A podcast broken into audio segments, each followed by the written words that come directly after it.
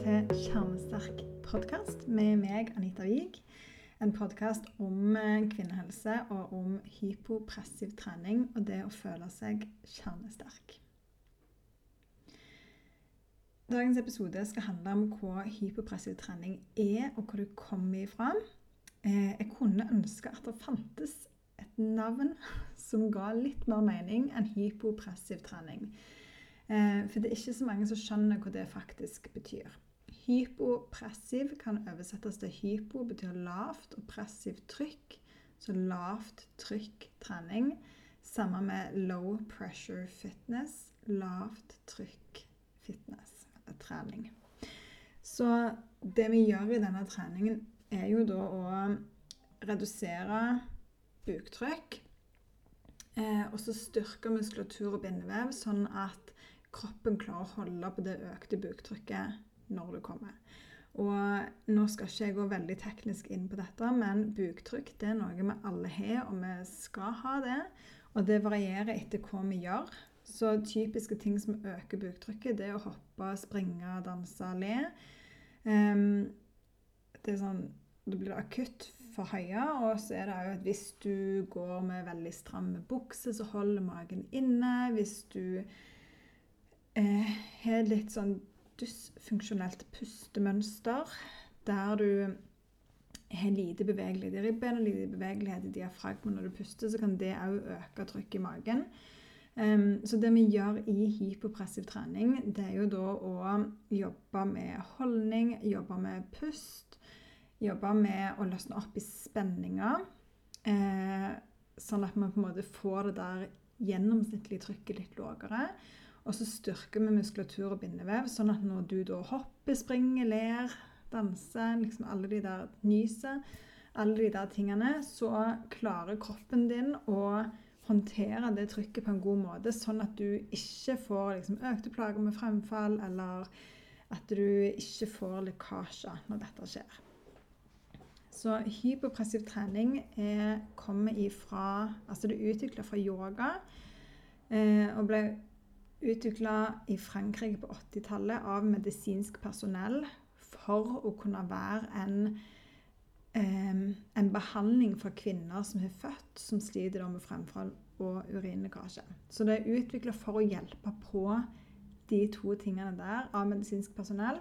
Og så er det blitt videreutvikla igjen av trenere i Spania, bl.a. Um, og er blitt til det som i dag er low pressure fitness og hypopressiv trening.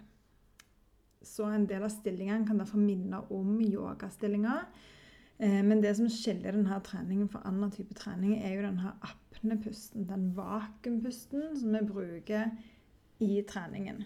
Og det som er så kult med den, er at når du får til det vakuumet rett, så kommer det en automatisk aktivering av dyp kjernemuskulatur og bekkenbunn. Som gjør at du får trent denne muskulaturen på en veldig god måte.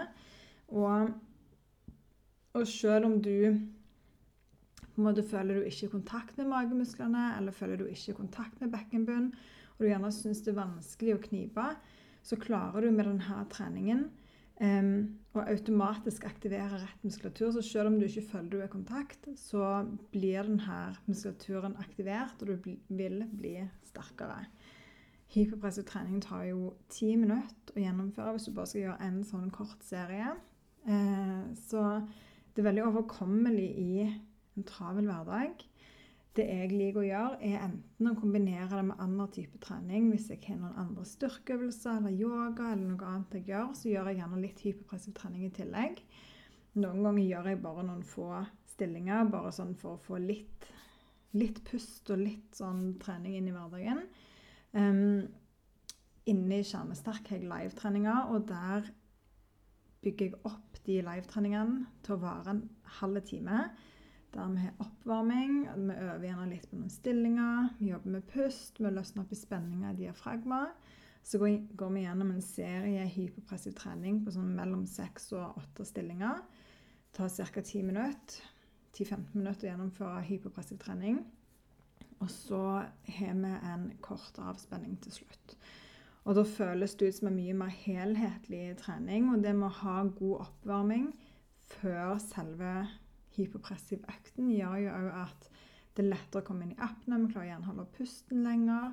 Og de 10-15 minuttene med liksom hypopressiv trening blir ekstra effektive, da. Så det er litt om hypopressiv trening. Det er jo en trening på lik linje med all annen trening. Den må gjøres jevnlig over tid for å få effekt. Det er ingen sånn magisk kur. Det er trening. Det er bare en litt annen måte å styrke muskulatur på.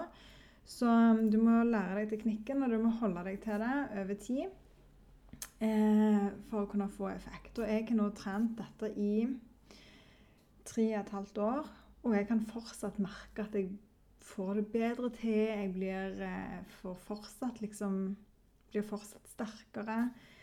Eh, og får fortsatt liksom ny effekt av denne treningen, da.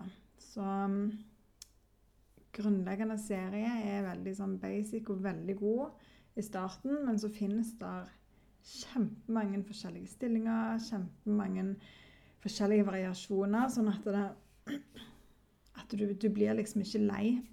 Selv etter jobb med dette i mange år, så har jeg fortsatt stillinger som jeg øver på, som utfordrer meg, og som, som jeg trenger å finpusse. Og det syns jeg er veldig kjekt. At du på en måte du blir ikke utlært, og du blir ikke lei. Det er liksom alltid noe nytt og noe kjekt å jobbe med og strekke seg etter.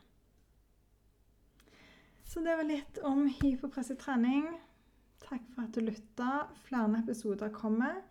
Eh, både om hypopressiv trening og om kvinnehelse generelt. Ha det bra.